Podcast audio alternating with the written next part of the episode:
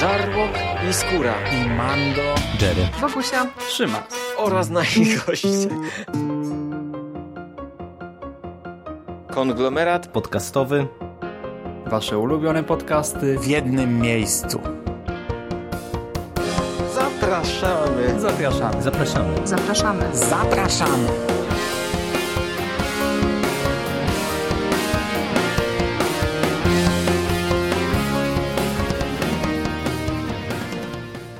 Witamy w konglomeracie podcastowym w kolejnym odcinku i dziś porozmawiamy sobie w duecie.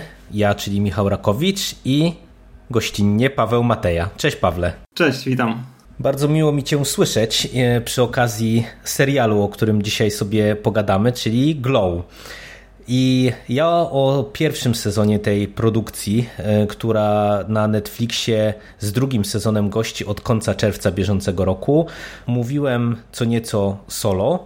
No, a wiedząc, że e, ty sięgnąłeś też e, po ten serial i chyba stałeś się fanem tak. z tego, co rozmawialiśmy, to postanowiłem cię tu właśnie przyciągnąć, aby no, zawsze spojrzeć na, na to dzieło zawsze lepiej z dwóch punktów widzenia. Mhm. Ale właśnie przez to, że e, ja o pierwszym sezonie co nieco mówiłem, ty nie miałeś okazji tutaj naszym słuchaczom e, nic e, skomentować, to chciałem zacząć trochę od przeszłości, czyli właśnie od sezonu pierwszego. Czy ty od razu sięgnąłeś po ten serial, czy gdzieś cię recenzje zachęciły? Jak, jak to się stało, że w ogóle trafiłeś na Glow, który w sumie wydaje się być takim serialem trochę niszowym i ze względu mhm. na tematykę i miks gatunkowy, jak to z tobą było? Otóż ze mną było tak, że ty mi go poleciłeś. chyba obejrzałeś, wydaje mi się, że, znaczy wydaje mi się, że ty oglądałeś go jakoś niedługo chyba po premierze, bo pamiętam, że właśnie i jakoś przez lato powiedzmy, pisałeś gdzieś tam na czacie, że super serial i że poleca, żeby obejrzeć. Ja tak sobie zerknąłem zaciekawiony co to i zobaczyłem, że to o wrestlingu i pomyślałem, że cholera, no nie, może jednak sobie odpuszczę. no to jakoś no, właśnie takie nie moje klimaty zupełnie i jakoś myślałem, pomyślałem sobie, że nie, no zupełnie się w czymś takim nie odnajdę. I tak naprawdę sięgnąłem po niego dopiero w grudniu, czy, czy jakoś na przełomie listopada i grudnia, jak miałem urlop i nie miałem jakoś akurat nic takiego, żadnego otwartego serialu, który byłby takim czymś niezbyt ciężkim, bo nie zawsze mam ochotę na oglądanie jakichś takich ambitnych, trudnych rzeczy. I wtedy tak sobie pomyślałem, cholera, no Jerry to polecał, no to może spróbuję. I tak sobie puściliśmy z żoną i wydaje mi się, że zajęło nam to może ze trzy dni, żeby obejrzeć całość.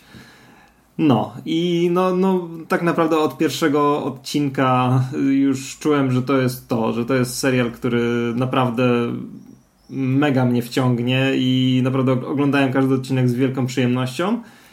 I tak naprawdę rzadko się zdarza, że, żebym tak mocno, nawet nie to, że czekał na premierę jakiegoś y, sezonu, tak jak czekałem na premierę drugiego właśnie Glow, ale ja po prostu w momencie, kiedy on trafił do, na Netflixa, to w zasadzie ja, ja, ja przerwałem oglądanie tego, co aktualnie oglądałem i zabrałem się za Glow i to znowu była kwestia paru dni i, i już czułem tą pustkę po skończeniu nowego sezonu. I teraz już tylko cierpienie, czekanie na trzeci. No widzisz, za drugi sezon ty się zabrałeś e, szybciej niż ja, bo e, my w sumie też e, ten serial oglądamy wspólnie z żoną i tak planowaliśmy, żeby od razu po premierze tego drugiego sezonu sięgnąć, ale jakoś się nam nie złożyło z różnych względów, ale no to jest zdecydowanie serial, który chociażby przez ten format odcinków 30-minutowych, tak, tak z tym wyjątkiem finałowego odcinka, który jest mhm. dłuższy, no to on jakby jest idealny idealny do wciągnięcia dosłownie w te 2-3 wieczory.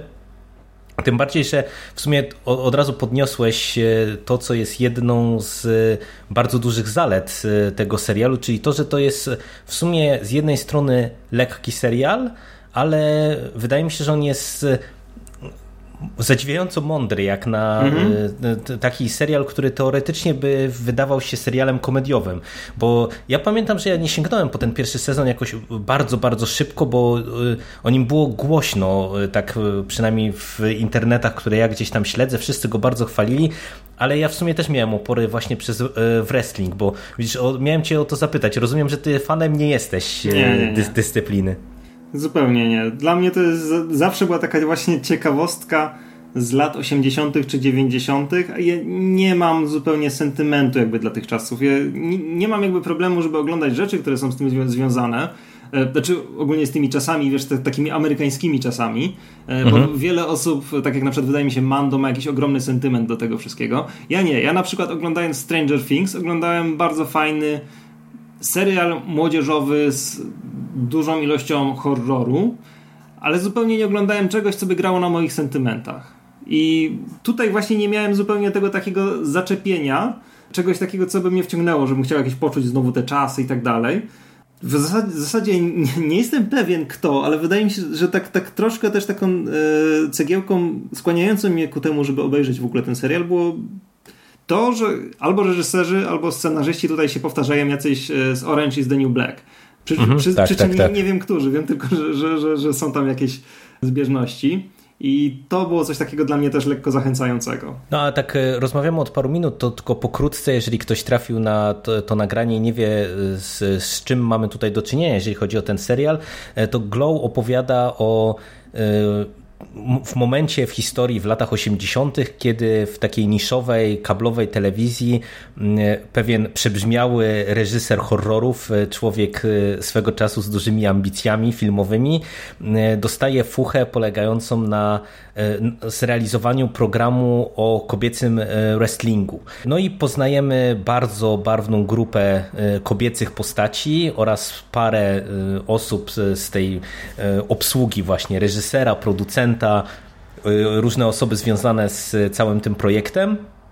I w pierwszym sezonie koncentrowaliśmy się tak naprawdę na nakręceniu tego pilotowego odcinka. Cały ten pierwszy sezon się skupiał na tym, e, jak ta ekipa się docierała i e, jak się skończyło, skończył ten e, projekt polegający właśnie na tym, aby zrobić epicki y, pilotowy odcinek i żeby stacja zdecydowała się y, ten serial puścić. Serial, dodajmy, który jest inspirowany programem o tym samym tytule, o tej samej nazwie, czyli e, Glow Gorgeous Ladies of Wrestling, czyli taki wrestlingowy program, e, który w latach 80. faktycznie w telewizji e, leciał. No i drugi sezon kontynuuje oczywiście te wątki, e, ale w sumie wydaje mi się, że twórcy e, nie poszli na łatwiznę, tylko troszeczkę mm, może nawet nie tyle zmienili formułę, co trochę inaczej porozkładali akcenty. E, Nie masz takiego wrażenia? Tak, to znaczy drugi sezon w ogóle wprowadza dużo różnych takich ciekawych elementów, można powiedzieć eksperymentalnych, ale też gdyby chcieli tak naprawdę zrobić jakiś taki bardzo konwencjonalny serial, to byłby on o wiele nudniejszy, nie? Znaczy, bo gdyby tak chcieli tak naprawdę przedstawić tą historię tak jak, znaczy nie wgryzałem się za bardzo w tą prawdziwą historię Glow, e, ale wydaje mi się, że po prostu musieliby zrobić takiego tasiemca, który, do którego musieli bardzo kombinować z jakimiś e, takimi banalnymi sitcomowymi sprawami, żeby coś ciekawego się w nim działo, a tutaj po prostu cały czas e, dzieją się jakieś dziwne rzeczy.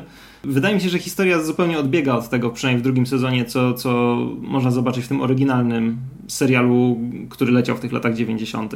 No i e, jeżeli chodzi o te zmiany, to na pierwszy plan to, co się rzuca, to jest na pewno dużo więcej wrestlingu jako takiego, bo e, ja, ja pamiętam, że po tym pierwszym sezonie wielu fanów tej dyscypliny, bo w Polsce mamy spore grono wielbicieli wrestlingu właśnie w związku z tym, że w latach 90. telewizje satelitarne i kablowe puszczały tego mnóstwo. Ja pamiętam, że za Szczyla to, to też dużo tego oglądałem. No i, i z wieloma osobami to zostało. E, One narzekały trochę, że w tym pierwszym sezonie to tak naprawdę no, mieliśmy e, trochę tych ćwiczeń, różnego rodzaju akrobacji i tak dalej, i tak dalej, ale tak naprawdę ten wrestling pojawiał się dopiero w tym finałowym odcinku i to, co e, dla mnie było zaskakujące, to ja myślałem, że wiesz, że to trochę tak będzie wyglądało e, w tym drugim sezonie, e, a tutaj ten wrestling jest e, dużo bardziej na pierwszym planie, nie? że mamy i kwestię tego show całego, no bo tu już e, widzimy, jak są realizowane poszczególne odcinki, czyli mamy e, trochę taką warstwę meta o kręceniu programu, o telewizji, o, o filmie, no i dużo więcej tego wrestlingu. Jak Ci się to podobało? No bo tak jak mówisz, no nie jesteś specjalnie wielkim fanem e, dyscypliny, e, czy to Cię jak Czy, czy to ci jakoś przeszkadzało w ogóle? Czy miałeś jakiś dyskomfort? Czy w kontekście, nie wiem, wolałbyś śledzić więcej tej obyczajowo-komediowej sfery, czy, czy właśnie to, jak to zostało przedstawione w jakiś tam sposób cię kupiło i satysfakcjonowało? Nie, kupiło mnie to. Znaczy, ja przyznam, że jestem taki trochę bezbronny wobec tego serialu, bo ja jestem no, po prostu oczarowany tym, jak on jest zrobiony. Mam wrażenie, że właśnie jego twórcy naprawdę idealnie potrafili złapać balans. Tutaj nie ma tak, że, znaczy, bo jest tego wrestlingu dużo, ale jest on pokazany w znaczy, wrestling z zasady jest czymś bardzo takim atrakcyjnym wizualnie, nie? Czy, czymś, co łączy w sobie tą, ten, powiedzmy, że sport walki, przy czym no nie jest to do końca coś, co można nazwać sportem, e, ale z, jak, z jakąś tutaj mocno właśnie z jakimiś elementami takimi komediowymi nawet na ringu. Nie? E, jest to mhm. du, dużo, dużo, można powiedzieć, z kabaretu. I po prostu byli w stanie tak między tym wszystkim e, odpowiednio dobrać proporcje, że ogląda się to świetnie. Nie ma ani jakichś przedłużonych sekwencji, które byłyby już nudne, ani nie, nie ma tu znowu jakiegoś takiego bardzo mocnego skupiania się na, na jakiejś takiej samej technice, tylko to wszystko jest mega widowiskowe. Wiesz, to wracając jakby do tego Orange is the New Black, to też mamy tam serial, który jest o więzieniu kobiecym, nie? I można by, nie wiem, zro zrobić tam więcej. Znaczy, z jednej strony tam jest bardzo dużo jakichś takich rzeczy dotyczących e, po prostu życia w więzieniu, ale w żadnym momencie nie masz wrażenia, że oglądasz jakiś dokument, nie? I tutaj też to, to wszystko po prostu jest idealnie wyważone. Poza, znaczy, oczywiście są w tym drugim sezonie jakieś yy, właśnie bardzo długie sekwencje, już takie ściśle wrestlingowe, bo przecież praktycznie cały jeden odcinek, któryś w środku, yy, to jest pokazanie całego tego show tak, jak wygląda w telewizji.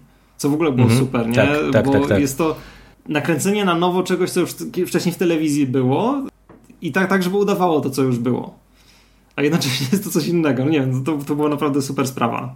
Czy wiesz to, mnie straszliwie kupiło to, że y, ja odniosłem wrażenie, że po prostu tak jak widzowie się zakochali w tym serialu, y, tak jak y, te bohaterki, te telewizyjne postaci jakby pokochały to, co robią, w tym sensie, że dla wielu tych bohaterek, które śledzi, których losy śledzimy na ekranie, no to ten show jest jakąś tam szansą albo na karierę, albo na jakąś normalną pracę, na poukładanie sobie życia i tak dalej, i tak dalej, to y, no, autentycznie miałem wrażenie takie, że te aktorki też jakby się albo tym w jakiś sposób zafascynowały, albo wiesz, e, tak e, zostały pochłonięte przez tę pracę, że naprawdę było widać kolosalną e, robotę i wysiłek, jakie one włożyły w to, żeby to wyglądało wszystko widowiskowo, bo naprawdę jak mhm. te niektóre akcje były pokazywane, to ja zbierałem szczękę z podłogi, że po prostu no jakby tego nie brać aktorki, no bo tutaj tak, nie, tak. nie, mamy, nie mamy zawodniczek, tylko mamy po prostu aktorki, jak świetnie sobie radziły z tymi sekwencjami walki tego wrestlingu, bo to naprawdę wyglądało szalenie efektownie. Mhm. Tak, to na pewno musiała z ich strony też być bardzo duża praca. No, tym bardziej, że to w sumie wrestling często się kojarzy z taką niezobowiązującą zabawą, ale jak się spojrzy na, nie wiem, jakieś dokumenty czy programy o wrestlingu, to widać tam, że to jest y, y, trudny sport tak naprawdę, że przez to, że on jest jednak e, takim no, sportem kontaktowym w pełnym tego mhm. słowa znaczeniu, no to tam jest bardzo łatwo o kontuzję, co zresztą też, też ten motyw można powiedzieć jakoś tam jest eksplorowany w tym drugim sezonie. Mhm. Ale że w ogóle on wymaga naprawdę i dobrej techniki, i dobrego przygotowania, i zaufania pomiędzy tymi partnerami, e, żeby po prostu nie doszło do, do nie doszło do tragedii po prostu. Mhm. Zwłaszcza, że jeszcze warto jakby podkreślić to, że w tym serialu niemal każda aktorka musi grać dwie postaci. Mhm. Bo, tak, tak, tak. I to, to jest w ogóle też rzecz naprawdę godna szacunku, bo niesamowicie potrafią się wcielać w te swoje, jest tam takie specjalne słowo, no, no, no te postacie wrestlingowe. Znaczy, mhm. dla mnie tutaj ja w ogóle jestem niesamowicie zachwycony tym, jak gra nieznana mi aktorka, bo ja się nie znam na aktorach, e, Alison Brie, czyli Ruth Wilder, czyli Zoja Strasznoja. No, główna bohaterka serialu, no, która, która ma grać w radziecką, nie wiem, nad nie agentkę, tylko jakąś super bohaterkę, która jest y, y, no, tak, taką złą postacią z komiksu, można powiedzieć. Tak, tak. Jak ona często mówi, kochacie mnie nienawidzić. Tak, jest, jest, ona jest po prostu fenomenalna, nie? To, to jest rola, do której ona musiała raz, że zagrać taką dziewczynę trochę ala Ania z Zielonego Wzgórza, bo tak w zasadzie ona jakby zaczyna, jako taka nieporadna życiowo marzycielka do tego y, postać właśnie komiksowego złoczyńcy i nauczyć się jakby obsługiwać wrestling. To, to jest fenomenalna sprawa. I w zasadzie można to samo powiedzieć każdej innej z tych bohaterek. No i takie, jak rozmawiamy jeszcze o tym wrestlingu, to, to, to co dotknąłeś na przykład, że mamy w którymś momencie odcinek w pełni jakby zrobione właśnie na ten show, to dla mnie to było y, autentycznie fascynujące i niesamowite, jak dobrze to zostało poprowadzone, bo y, tam nawet w którymś momencie y, w ramach właśnie tej takiej mety serialowej, jak bohaterowie sobie rozmawiają o tym, jakby chcieli nakręcić ten program, jak są te tarcia pomiędzy nimi a producentami na przykład, że oni, nie wiem, widzieliby coś innego na przykład, albo, albo coś chcieliby zrobić inaczej, to y, w sumie fajne jest to, że wiesz, mamy tutaj te, te 10 odcinków i y, mamy sporo tego wrestlingu, ale to jest naprawdę pomysłowe, że tutaj wiesz, w zasadzie żadne, żadna z tych akcji się nie powtarza, można powiedzieć, mm -hmm. dwa razy, nie? że tutaj nie mamy ogrywania tych samych schematów, że pomimo tego, że te postaci są w pewien sposób płaskie, co też w sumie jest eksplorowane w tym serialu i to jest super, bo o tym też bym chciał z tobą mm -hmm. chwilkę porozmawiać, że, że wiesz, że mamy z jednej strony te takie bardzo przerysowane jednowymiarowe bohaterki, e, które stają na ringu, e, ale po prostu ci, ci, twórcy i samego Glow jako serialu i ci twórcy, których tutaj losy śledzimy, e, maksymalnie próbują to wszystko uatrakcyjnić, tak żeby e, nawet pomimo tej jakiejś tam jednowymiarowości tych bohaterek, żeby to było atrakcyjne, żeby, żeby to było jakieś, nie? Że widać, mm -hmm. że po prostu oni chcą opowiedzieć jakąś ciekawą historię i to, że akurat robią show o wrestlingu, no to jednak widać, że, że dla nich wszystkich, e, począwszy od tego reżysera sama Sylwii, poprzez producenta y, Howarda i, i całą tę rzeszę aktorek, że to dla nich wszystkich to jest autentycznie szansa i, i jakaś tam forma takiego, nie wiem, wyzwolenia, może kreatywnego. Nie wiem, brakuje mi teraz słowa, ale mam nadzieję, że rozumiesz o co mi mhm. chodzi. Jasne, jasne. I w zasadzie nie mam nic dodania co do tego. No ale to wspomniałeś o tym zbalansowaniu, to y, o to chciałem Cię też zapytać, bo w sumie Glow jest y, gatunkowo y, dla mnie produkcją, którą ciężko zakwalifikować i ja często się śmieję, że to chyba Amerykanie tylko potrafią coś takiego kręcić, że, żebyśmy mieli tak idealnie zbalansowany dramat, y, humor, y, obyczajówkę z y, jakimś takim, wiesz, z taką życiówką, można mm -hmm. powiedzieć, nie? I to jest kapitalnie zbalansowane, bo ja mam wrażenie, że jak to próbują robić twórcy, w, nie wiem, chociażby w Polsce, to bardzo często albo skręcamy w kierunku komedii, komedii typowej, jakieś, nie wiem, slapsticku albo czegoś takiego, albo idziemy z kolei w cięższe klimaty, a tutaj przecież mamy bardzo dużo tematów poruszanych, y, różnego rodzaju, od nie wiem, wyzwolenia kobiet, o, o poprzez nie wiem, postrzeganie y, czarnych w latach 80., y, jakieś role mężczyzn i kobiet w tamtym okresie i tak dalej, i tak dalej. Nie wiem, aborcja, samotne rodzicielstwo, no przecież to jest cała masa różnego rodzaju motywów, ale no to jest po prostu genialnie poprowadzone, że, że naprawdę to się śledzi e, z zainteresowaniem, a z drugiej strony widać ile jest w tym ciepła, humoru i, i takie po prostu sympatyczne, z takiego sympatycznego klimatu, który udało się wykreować. Mhm. Jak ci się to podobało? Jak ty znajdujesz w ogóle taką formułę właśnie takiego miksu gatunkowego? Taka formuła jakby z definicji dla mnie jest czymś, do czego podchodzę bardzo ostrożnie, dlatego właśnie, że często można się tym rozczarować, dlatego że podchodzi się do jakiejś danej produkcji z pewnymi oczekiwaniami, a tutaj nie da się sprecyzować do końca tych oczekiwań e, dostajesz właśnie nie dość, że bardzo specyficzny temat, znaczy inaczej, jeśli na przykład chcesz obejrzeć horror, to raczej są elementy tam, których się spodziewasz, jakiś określony sztafaż i tak dalej, y, jakieś elementy fabuły, które są dosyć standardowe. Tutaj masz bardzo mało takich rzeczy. Tak naprawdę y, ja, ja często oglądam seriale z jakąś intencją właśnie, żeby się rozerwać, żeby nie wiem, się przestraszyć czy cokolwiek takiego. Tutaj jakby właśnie trudno zdefiniować jedną, nie? I do tego właśnie dostajemy bardzo trudny temat. I uważam, że to jest naprawdę wielkie też rzemieślniczo dzieło, żeby właśnie w ten sposób nie dość, że właśnie to wszystko świetnie połączyć, to jeszcze jakby totalnie zaangażować czytelnika, znaczy widza, nie czytelnika e, w śledzenie tej fabuły i w zasadzie, czy w zasadzie dwóch fabuł, nie? bo to co się dzieje na ringu to się ogląda z równym zaciekawieniem jak to co się dzieje między bohaterami w ich jakby rzeczywistym życiu. E, I w ogóle no to, to, to jakby świadectwo tego jak też wielkie obycie właśnie z kinem, czy, czy w ogóle jakby z kulturą na przestrzeni lat musieli mieć twórcy tego serialu, żeby jakby nie dać się też pochłonąć żadnej konwencji do końca. No to jest, to jest wielka rzecz, tym bardziej, że dla mnie równie e, interesujące jak to, co się dzieje od tej strony fabularnej, jest to, jak e, kapitalnie skonstruowane są tutaj postaci, bo nie wiem, czy też tak bardzo polubiłeś tych wszystkich bohaterów, mm -hmm. ale przecież to jest taki typowy serial, gdzie nie mamy tak naprawdę jednej wiodącej postaci, tylko to jest taka drużynówka, gdzie tak naprawdę no, mamy tych postaci pierwszoplanowych, można powiedzieć, nie wiem, z 10 mhm. I, i tutaj ja ani przez moment nie miałem poczucia, że wiesz, że E, któraś postać e, byłaby e, gorzej napisana, albo dostawałaby za mało czasu, albo za dużo czasu. Te, te wszystkie wątki pomiędzy nimi są rewelacyjnie prowadzone. Mhm. To znaczy, jest tutaj trochę tak, że część bohaterów dostaje więcej czasu i czy bardziej prowadzi tą fabułę, ale rzeczywiście mhm. każda z tych postaci jest ciekawa i każda wprowadza coś od siebie, nie ma tutaj takich wypełniaczy. No bo no przynajmniej z mojej perspektywy tutaj właśnie mm, Ruth Wilder czy Debbie Egan, czyli Dzwon Wolności i Zoja Strasznoja, no to są takie już... E, motory. Tak, takie motory. No i oczywiście sam Sylwia, który jest w ogóle fenomenalną postacią i jest fenomenalnie zagrany przez Marka Marona. E, ale to właśnie cała reszta mogłaby równie dobrze po prostu wejść na pierwsze tło i tak naprawdę nie wiemy, co się będzie działo w kolejnych, kolejnych sezonach i możemy się spodziewać, że role mogą się między bohaterami zmieniać. W każdej chwili każda inna postać może wejść, e, czy może stać się właśnie tym motorem. No, to prawda, to prawda.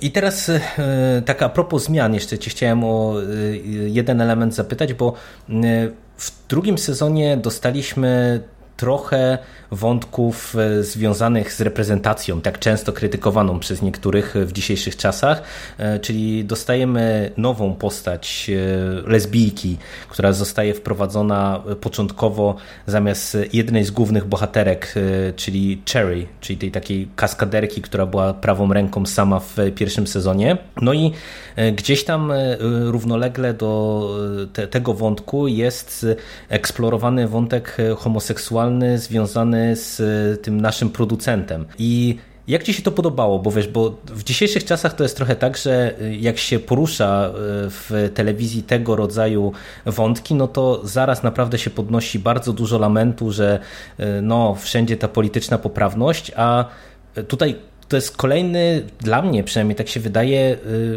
świetnie dopasowany puzzle w całej tej takiej misternej układance, którą tu tytułujemy Glow. Jak Ci się to podobało? Czy czułeś jakiś dysonans e, z tym związany, czy, czy Ci to grało? Jak najbardziej mi to grało. To znaczy, wiesz, ja bym tutaj jeszcze wspomniał o takiej dosyć jednej ciekawej rzeczy, mianowicie temu, jak, dobrani, jak dobrane są te wszystkie postacie w serialu. Na tyle, na ile się orientowałem e, dzisiaj, przeglądając jakieś, jakieś materiały, postacie tutaj, które, w które wcielają się bohaterki serialu, czyli te, czyli te ich postacie wrestlingowe, nie są dokładnym odwzorowaniem tego, co dostajemy mm, w tym oryginalnym show, które naprawdę leciało w telewizji, ale są do nich bardzo podobne.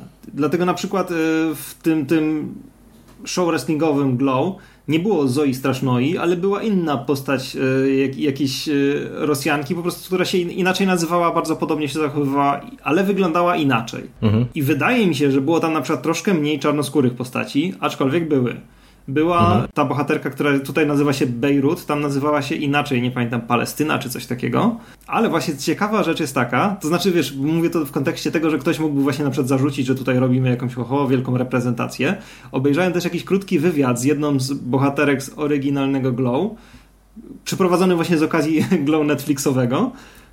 I mówi, mówiła tam o ty, ona o tym, jak dostała się do tego serialu, czy do tego show. Otóż zaprosiła ją, jakby czy wciągnęła w to, uwaga, jej dziewczyna. Mhm. Także wiesz, tak naprawdę trudno tutaj cokolwiek zarzucić. Wszystko, wszystko, się zgadza. Być może tutaj jest to bardziej uwypuklone, e, no bo oglądamy jednak e, życie tych wrestlerek, ale też no nie, nie wiem w ogóle, czy znaczy, trudno mi sobie wyobrazić, czy, jakie ktoś mógłby tutaj wystosować zarzuty. Znaczy, ja wiem, że, że, że na pewno takie się pojawiają, bo ludzie naprawdę potrafią się czepić zupełnie jakichś niestworzonych rzeczy, ale tutaj raz, że jest to po prostu nieuzasadnione, a dwa, że po prostu to znowu, to, bo to w przypadku tego serialu można podkreślać w kółko, tutaj wszystko gra. Mhm. No ja się z, z Tobą w pełni zgadzam i e, e patrząc z perspektywy właśnie tego, co przywołałeś, też ten oryginalny show, to dla mnie ten serial, to nie wiem, czy się ze mną zgodzisz, to jest przede wszystkim też jakby swoisty fenomen, że ta produkcja pod kątem fabularnym, e, pod kątem kreacji postaci i e, tych różnych elementów, które mamy tutaj wprowadzane, ona e, rewelacyjnie ogrywa epokę, w której się ten serial rozgrywa, czyli lata 80., ale bez tego, co mnie osobiście bardzo mierzi w wielu produkcjach współczesnych, czyli bez takiej pornografii nostalgii, mhm. E, że wiesz, że po prostu mamy taką masturbację e, latami 80., która w tej chwili naprawdę nieraz to przybiera karykaturalne e, jakieś rozmiary, gdzie zalewa nas muzyka z lat 80., stroje, jakieś tam odniesienia i tak dalej, i tak dalej, a ja coraz częściej, jakby mając określony sentyment do tamtego okresu, no bo mm, gdzieś tam dorastałem w latach 80., więc no, mnie, to, mnie łatwo jakoś tam złapać na ten haczyk, ale e, po prostu ja coraz częściej widzę, że za tym się nic nie kryje, poza właśnie próbą e, zmonetyzowania mody e, na lata 80. Mhm. A Glow to jest jedna z tych produkcji, która rozgrywa się w latach 80. i to, że tutaj, nie wiem, pojawia się czasem muzyka jakaś z epoki, albo jakieś nowe klimaty, albo jakieś stroje i tak dalej, i tak dalej, to jest tak naprawdę tylko i wyłącznie narzędzie, żeby opowiedzieć coś o tamtym tamtych czasach. E, mhm. Właśnie w, cho chociażby w kontekście tego, co wspomniałeś, że nie wiem, mamy tutaj czarnoskórę bohaterki, czarnoskórą bohaterkę, e, czy, czy mamy na przykład właśnie te e, postaci homoseksualne i to to nie są wątki, które są wrzucone od tak, żeby była reprezentacja, tylko to są wątki, które nam ilustrują określone jakieś tam, nie wiem, problemy epoki. I nie wiem, czy się ze mną zgodzisz, że tutaj to jest, to jest jedna z tych rzeczy, które dla mnie to jest w ogóle takie najlepsza z najlepszych rzeczy, jeżeli chodzi o ten serial. To, jak mm. właśnie tutaj twórcy sobie radzą z ogrywaniem i prezentowaniem lat 80. Tak, tak. Jak ja już wcześniej wspomniałem, naprawdę jestem bardzo mocno odporny na jakieś takie klimaty sentymentu i w zasadzie jest, ale też jestem na nie trochę przewrażliwiony, dlatego że właśnie nie lubię tego grania, bo ono mnie po prostu nie kupuje. E, a w Glow twórcy po prostu nie musieli tego robić bo no, to jest tani chwyt i często stosuje się go po to, żeby właśnie w jakiś łatwy sposób sobie tego widza zaskarbić. Oni nie musieli, oni to zrobili zupełnie innymi sposobami. Mamy tutaj dużo, znaczy dużo, zdecydowanie więcej niż w pierwszym sezonie, w drugim sezonie jest e, scen, w których na przykład pojawia się muzyka i właśnie ta mhm, muzyka tak, z epoki, tak. ale ona jest tylko tłem ona jest dlatego, że no musiała być taka, ale właśnie jeszcze teraz przed, e, przed tym, jak zaczęliśmy nagrywać, puściłem sobie jakiś trailer pierwszego sezonu. Tam też pojawiało się w nim parę jakichś takich kawałków z lat 80., 90. A ja oglądając ten trailer miałem ciary, nie? Bo przypominały mi się te sceny, ale nie miałem ciar dlatego, że była muzyka. Tylko dlatego, że ona była genialnie dobrana pod sceny, które tam były przedstawione, ale dlatego, że ten serial po prostu jest, jest taki, że oglądając go momentami te ciary się ma dlatego że fabuła jest tak zbudowana, a wszystkie te takie rekwizyty z epoki są tylko dlatego, że muszą. Bardzo dobrze ujęte i to jest, to jest naprawdę fantastyczna rzecz y, i y, na przykład to, jak tutaj jest muzyka wykorzystywana, to Widać, że też ten drugi sezon, można powiedzieć, że mimo, że ten pierwszy już był bardzo dobry, to ten drugi pod wieloma względami jest jeszcze lepszy, bo właśnie to, co ty mówisz, że tutaj pojawia się więcej tej muzyki i to, że ona jest jakoś tam ilustracją, ale widać pod kątem takiej zabawy materią filmową na przykład, jak mamy e, chociażby ten odcinek właśnie, który nam prezentuje cały odcinek Glow, e, tak jak on byłby wyemitowany w telewizji. Tam jest na przykład taka sekwencja, gdzie nasze bohaterki śpiewają piosenkę, no to mm. po prostu ja jak sobie tylko to przypomnę, to właśnie mam te wzmiankowane chwilę wcześniej przez ciebie ciary, bo to było po prostu no, tak fenomenalnie e, rozegrane. Teoretycznie niby tani chwyt, ale, ale myślę, że każdy, kto sobie przypomni tę scenę, ten teledysk, które nasze bohaterki nagrywały, no to, to będzie miał szeroki uśmiech na twarzy. Mhm. Tak, nie ma tutaj takiego po prostu taniego handlowania tymi rekwizytami czy jakimiś takimi efektami z epoki. Oni po prostu je biorą i robią z nimi to, co się robić powinno. No to tak chwalimy, chwalimy. Y, to powiedz, jak oceniasz w ogóle cały sezon, ten drugi, z punktu widzenia właśnie całej tej opowieści, no bo to też jest warte wspomnienia, że w zasadzie i pierwszy i drugi sezon e, trochę odmiennie od wielu innych telewizyjnych produkcji, one stanowią pewne zamknięte historie. I e, pomimo, że oczywiście niektóre wątki z pierwszego sezonu tutaj są dalej kontynuowane, one są szalenie istotne, są rozwijane i tak dalej, i tak dalej, to ten drugi sezon w pewien sposób e, stanowi odrębną całość. I jak ty go oceniasz właśnie całościowo? I na tle pierwszego sezonu i tak ogólnie?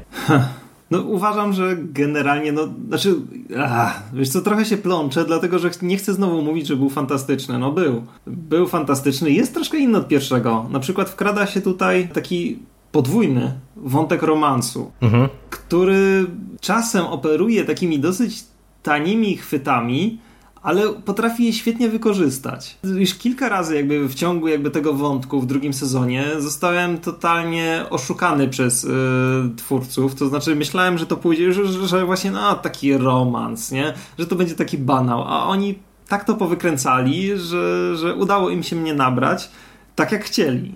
I też nie było to jakieś tanie oszustwo, nie? Po prostu bardzo, bardzo dobrze rozegrali takie sytuacje. I jest tutaj właśnie tego więcej, no bo nie mogli już tutaj tak znowu, znowu brnąć e, w te same rzeczy, które były w pierwszym sezonie. Tam on był właśnie bardzo skoncentrowany na tym, e, jak ten, e, jak bohaterki przygotowują się do wrestlingu. I jakby miało to pokazywać takie ich zaangażowanie. Tutaj musiało być trochę więcej jakby już innych wątków. I, i no, no, no, znowu będę się powtarzał. No, udało im się po prostu zachować ten balans między tymi wszystkimi rzeczami. Zrobili troszkę eksploracji nowych terenów i wszystkie były udane. Jestem tylko bardzo ciekaw, gdzie pójdą z trzecim sezonem, bo jakby nie wchodząc w, może w spoilery, bo chyba nie jest to potrzebne, wiemy, że będzie coś innego, że, że jakby bohaterki nie, nie mogą do końca spocząć na, na laurach. No i jest, jest, właśnie mam tutaj podobną sytuację troszkę jak z Orange is the New Black, dlatego że, znaczy nie wiem, czy to w ogóle oglądasz Orange? Nie, nie. Ty mi wielokrotnie to polecałeś, ale Cholera, ja ci powiem to... szczerze, że, że to jest jeden z tych seriali, który już ma tyle sezonów, że mnie to przeraża. Nie? Jak wiesz, widzę 5 czy 6 sezonów, to, to ja już się mam, blokuję się po prostu Szybko. na tym i zawieszam się. Szybko ci zejdzie, naprawdę. To jest, wiesz, to, to jest tak naprawdę bardzo podobny serial. Znaczy, jeśli chodzi o klimat, o budowę bohaterów i dlatego, wiesz, ja, ja, ja tutaj mógłbym cały czas nawiązywać do Orange. Tam jest w tej chwili bardzo podobna sytuacja, to, czy, ale to nie będę ci spoilerował. Mhm. Ale w jednym i w drugim przypadku ja jestem taki wręcz trochę zdenerwowany, bo się martwię o te bohaterki. No, nie, to akurat co powiedziałeś, to ja w pełni rozumiem, a poruszyłeś jedną bardzo fajną rzecz, e, którą ja bym jeszcze chciał pociągnąć, e, czyli to, że twórcy w paru momentach jakby zbliżają się do granicy, za którą już człowiek zaczyna się trochę martwić, czy oni nie pójdą e, na łatwiznę, albo czy to nie, nie zagrają na jakichś tanich motywach. I tutaj jest ten wątek romansu. Zakładamy, że wszyscy raczej, którzy nas słuchają, widzieli pierwszy sezon, to ja na przykład w pierwszym sezonie miałem te, takie o bardzo duże obawy w kontekście wątku ciąży.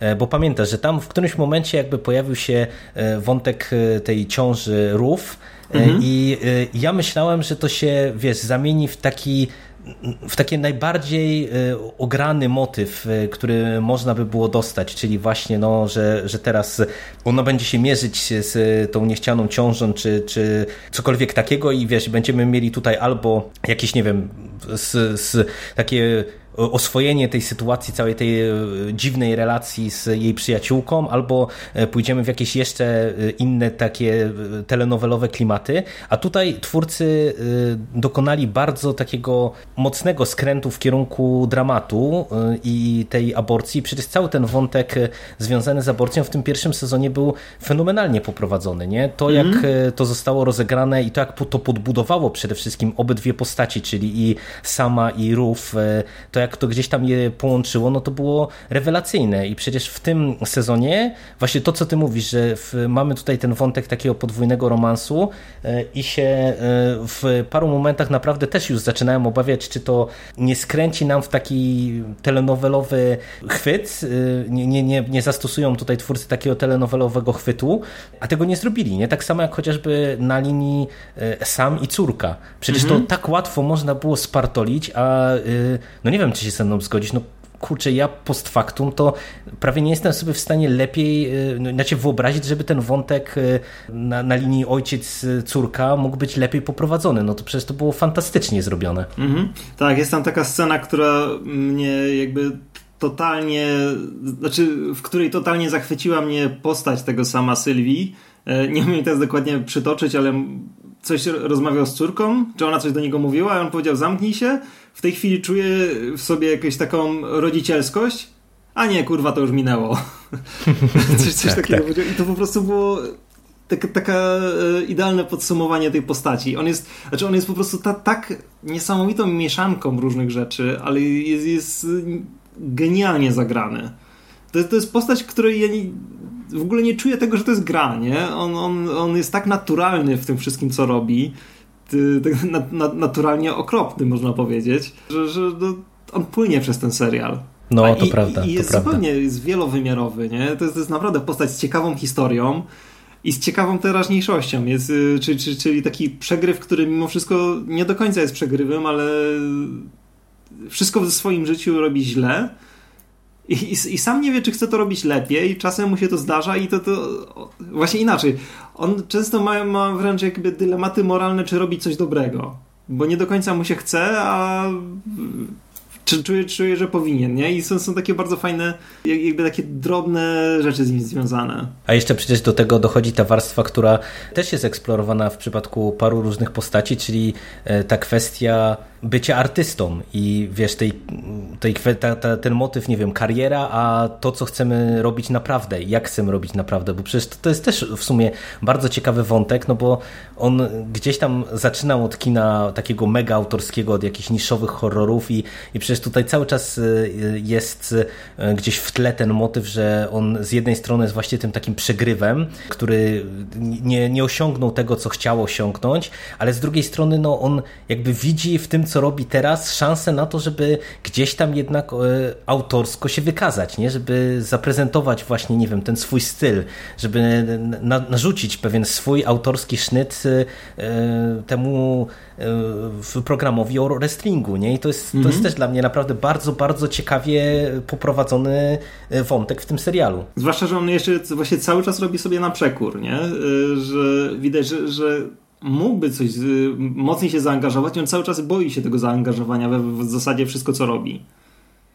No, zgadza się. A, a jeszcze też na, na, przykładzie sama to widać też, jak fajnie są prowadzone właśnie te, te różnego rodzaju wątki, bo to, co ty mówisz, że on nieraz ma takie jakby moralne rozterki, czy postąpić dobrze, czy źle, to y, widać to na przykładzie tego, jak on nieraz, nie wiem, jest zwykłym takim, no, fiutem, można powiedzieć, dla tych y, aktorek, czy tych dziewczyn, -hmm. jak w którymś momencie jedną z tych bohaterek zwalnia, bo tak, bo, bo w zasadzie, bo chce zrobić na złość y, jednej z postaci, y, a z drugiej strony na przykład y, widać, jak on gdzieś tam w środku o, o nie wszystkie dba i jak to, to dla niego jest ważne, jak tam na przykład, nie wiem, staje w obronie czy samego show, czy na przykład, nie wiem, aktorki, która jest narażona na jakieś tam nieprzyjemności, mo, można powiedzieć. Także to, to, jest naprawdę taka kwintesencja tego serialu, nie? Ta, ta, mhm. Taka mieszanka bardzo różnych, bardzo często sprzecznych, wydawałoby się, motywów, która daje nam smakowity koktajl. Mhm, dokładnie. No i w zasadzie chyba pomału byśmy kończyli. Nie wiem, czy ty, Paweł, masz coś do dodania? Wiesz co, no pewnie byśmy jeszcze mogli długo gadać o... Tylko, że gadalibyśmy o tym samym, nie? O tym, że po prostu ten serial jest fajny. Znaczy, w ogóle taką jeszcze rzeczą, która można jakoś jeszcze podkreślić, o której jeszcze wspomnieć, to jest ostatni odcinek. Chyba mhm. ostatni odcinek czyli ten, w którym e, dzieją się te różne dziwaczne rzeczy na ringu. Mhm. To znaczy, no tutaj też niewiele mogę powiedzieć poza tym, co już powiedziałem, ale że no, odcinek ten był czymś naprawdę mega fajnie zrobionym. E, nie wiem, czy tutaj wchodzi w jakieś spoilery tego, co tam A to, to, to, to jak, jak masz ochotę porozmawiać spoilerowo, bo ja bym cię chciał zapytać no właśnie tak e, otwarcie o jeden z wątków, który tutaj jest poruszony, e, więc możemy krótką strefę spoilerową myślę, że zrobić. Mhm. Także to nie wiem, to, to po, pożegnamy się ze słuchaczami, którzy spoilerów się boją, chociaż myślę, że one na pewno wam tej produkcji nie popsują, jeżeli jeszcze nie widzieliście. Myślę, że wspólnie polecamy. Tak, jak najbardziej polecamy. A jeżeli nie boicie się spoilerów albo z drugim sezonem już się zapoznaliście, to, to właśnie krótko e, w paru zdaniach spoilerowo i Paweł hulaj dusza teraz e, z ostatnim odcinkiem? No, był on naprawdę, to znaczy inaczej, oglądając całe te dwa sezony, ja się naoglądałem bardzo dużo różnych e, niesamowitych pomysłów cudacznych, e, które tam zaserwowali nam twórcy, ale moim zdaniem ten ostatni odcinek z e, weselem na ringu i tymi wszystkimi akcjami to no, była taka naprawdę wisienka. To, to jest fantastyczne, z jakim zaang znaczy zaangażowanie, z jakim po prostu takim wypasem oni do tego podeszli. Tak naprawdę nie wiem, co bym mógł więcej o tym powiedzieć, ale po prostu chciałem podkreślić, że, że ten finał to był naprawdę taki finał, nie? I z jednej strony dostaliśmy taką kumulację naprawdę takiego wypasu i, i ta, taki cholera, nawet nie wiem jak to określić, nie? No, no motyw, w którym na przykład właśnie na, na końcu y, Zoja mogła zwyciężyć, zwyciężyć. cały, cały mhm. sezon. Y, to właśnie było takie, takie już też właśnie na granicy, nie? Że, że udało, udało im się to fajnie wyważyć, żeby nie było to jakieś takie zbyt słodkie czy kiczowate. E, ale później to jeszcze tak pięknie spuentowali tą całą e, sceną negocjacji finansowych co do kupna Glow mhm. która znowu była czymś niesamowicie pesymistycznym, można powiedzieć, nie? A później znowu odwrócili to. I no nie, naprawdę ten odcinek to było coś, e, co godnie zakończyło ten drugi sezon. No, to prawda. No, ja, ja zapomniałem w ogóle, że te, ten finałowy odcinek chyba w pierwszym sezonie też był dłuższy, e, ale no, wymagała tego sytuacja, bo tutaj naprawdę też i tych zwrotów akcji, i tych różnych motywów było całe mnóstwo, bo to jak e, dobrze jest ten serial pisany, to ja ci powiem właśnie na przykładzie jednego motywu z finałowego odcinka, e, czyli tego, że Machu Picchu wykorzystała chwyty swoich braci. Mhm. Bo nie wiem, tam był taki motyw, który dosyć mocno się rzucał w oczy, że one tam e, uczą się właśnie na przykładzie tych chwytów e, jej braci, którzy są wrestlerami e, i tam jakby jest dyskusja, ona tam mówi, że nie wolno wykorzystywać tych chwytów, a dobra, przecież nikt tego nie ogląda, bierzmy i, i spokojnie możemy to wykorzystać i ten, i wiesz, ja myślałem, że to gdzieś tam wróci i przez cały sezon nic z tym się nie działo, nie? W tym sensie, mm -hmm. że mhm. one zrobiły to, co zrobiły i nic się z tym nie działo i nagle po prostu trzask. W finale to, cały ten motyw wraca i to dla mnie była rewelacja, bo ja y, przez cały sezon właśnie czekałem, co się z tym stanie. Ja byłem święcie przekonany, że twórcy o tym po prostu zapomnieli, nie? Że mm -hmm. no, wiesz, jak są pisane seriale, nie? Że Jasne. to nieraz nie co odcinek to inny scenarzysta y, i pewne motywy, które gdzieś tam są rzucone, to są porzucane później, nie? Mm -hmm. A mhm. tutaj to wróciło i to było też szalenie interesująco pokazane, nie? I, i zaprezentowane. Świetny kolejny motyw w tym finale. Mm -hmm. Tak, i on świetnie prowadził do tego, do czego jakby dążyli, czyli do tego, żeby Zoja mogła wygrać ca cały sezon. Mhm. Bez tego nie wiem, no musieliby to w jakiś zupełnie inny sposób rozegrać, nie? I dużo mniej efektowny. I właśnie Zgad. przy okazji to, o czym już wcześniej mówiłem, że bardzo jestem ciekaw, w co oni pójdą teraz w trzecim sezonie. Dlatego, że no ci, no wszyscy chyba obejrzeli drugi sezon, wiedzą, że jakby bohaterki, czy cały, cały serial w tym momencie przenosi się jakby w zupełnie inne miejsce i będzie się rozgrywał w innych zupełnie realiach. Na żywo przede wszystkim. Tak, nie? Tutaj nie, nie, nie, nie ma już telewizji, nie ma możliwości zmontowania tego materiału, no tylko idziemy w kierunku tego show na żywo. Także no faktycznie to będzie spora zmiana tego status quo, który tutaj mhm. mieliśmy. Ciekawe, jak, gdzie nas to poprowadzi. Tak. Przy czym jest to chyba faktycznie coś, co musieli zrobić, bo jaki mieli wybór? W przeciwnym no, wypadku musieliby kontynuować kolejny sezon Glow tak jak, tak jak się dzieje, działo to w rzeczywistości, bo jednak przez ileś tam lat widzowie dostawali to w telewizji. No i w zasadzie co? Musieliby teraz ciągle, znaczy bardzo mocno się koncentrować na po prostu wątkach jakichś osobistych tych wszystkich postaci. I no, trudno mi sobie to wyobrazić. Może przez jeden sezon by się dało, przez dwa, ale no, na pewno słabo, słabo byłoby moje zainteresowanie tym wszystkim. Bo nie, no nie wiem, no musieliby po prostu powtarzać to, co było już w drugim sezonie. A tak widać, że, że jakby nie tyle podnoszą sobie po, po, poprzeczkę, co ją po prostu przenoszą w nowe miejsce i po raz kolejny muszą pokazać, że czy, czy rzucić tą poprzeczkę po prostu fabule, nie? I zrobić coś nowego. Także bardzo jestem ciekaw, jak to wyjdzie. Ale wierzę, że dobrze. No a, e, a propos tego, że w tym nadchodzącym trzecim sezonie, bo w sumie to nie wiem, czy ten trzeci sezon już był zapowiedziany, ale tak, mam nadzieję, że tak. No, no to super.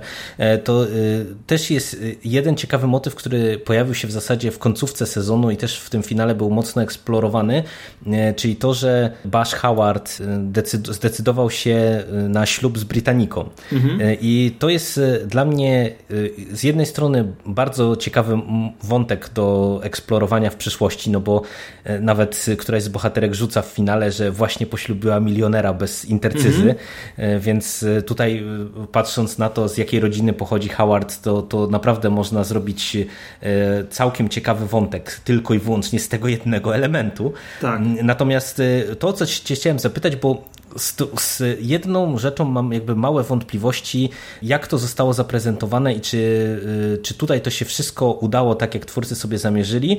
To jest właśnie wątek tego Basha Howarda i tego jego kamerdynera, czy, czy przyjaciela. Mhm. I to, że on gdzieś tam przez, od pewnego momentu go poszukuje jako osoby, która gdzieś tam od niego odeszła i dowiadujemy się, że ten jego przyjaciel, kamerdyner zmarł na AIDS i wiesz, w kontekście mm, tego, co widzimy, jak tam on, e, nie wiem, sprząta to jego mieszkanie na przykład, jak jest ta scena wcześniej w tym e, gejowskim barze i w kontekście tego ślubu, e, to no nie wiem, tak nie, nie, do końca czuję, czy tutaj wszystko mi gra w tym wątku, czy nie. W tym sensie, że z jednej strony to jest bardzo interesujący motyw, bo e, widać, że gdzieś tam to jest prowadzone w takim kierunku, że on jakby, nie wiem, odkrywa może swoje e, prawdziwe uczucia co do, co do tego kamerdynera, czy w zasadzie to nie wiadomo. Tak trochę to jest wszystko na dwoje babka wróżyła i to, to że mamy no, smutny finał tego wątku właśnie w kontekście tego, że dowiadujemy się, że ten jego przyjaciel umiera na, na AIDS i później w kontekście tego ślubu, to sam nie wiem, co na ten temat myśleć. Jak, jak ty oceniasz w ogóle cały ten element? Wiesz co, właśnie trudno mi go w tej chwili oceniać, dlatego że myślę, że to będzie coś, co będzie mocno eksplorowane w trzecim sezonie. Oni dopiero, wydaje mi się, zaczęli jakiś, e, jakąś historię wokół tego tworzyć, bo tak naprawdę nie wiemy, czy Bash też e, w tej chwili nie, nie ma AIDS. I no właśnie, może, to, to, być to, jest, to jest... właśnie to jest czymś, co skłoniło go do jakichś tych kolejnych kroków, do, do zgłoszenia się w zasadzie do tego ślubu.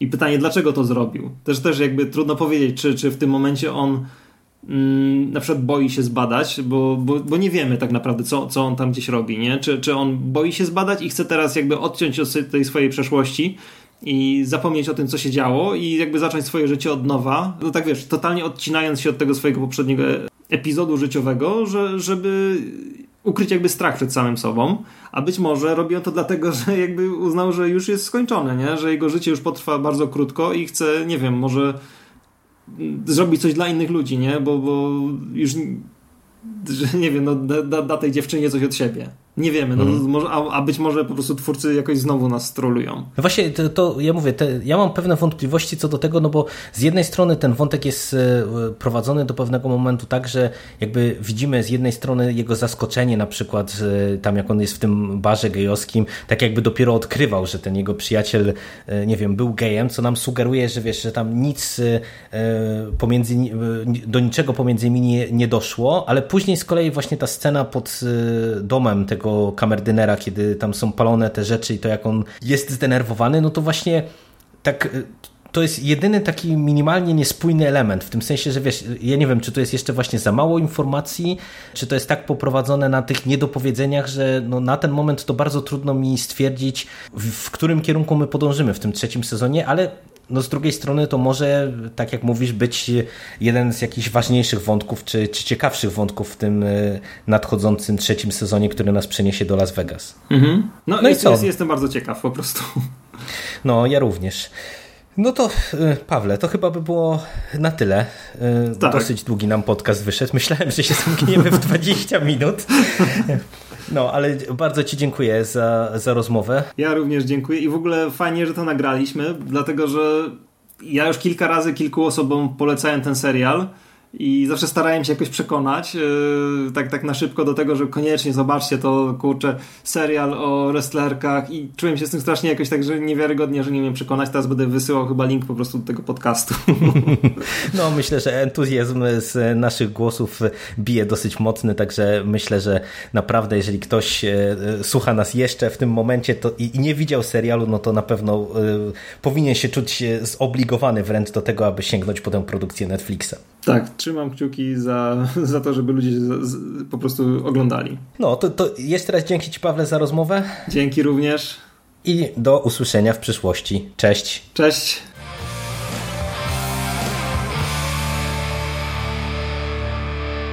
You finished? That's it, man. Game over, man. It's game over. What the fuck are we gonna do now? What are we gonna do? It's over. Nothing is over! Nothing! You just don't turn it off!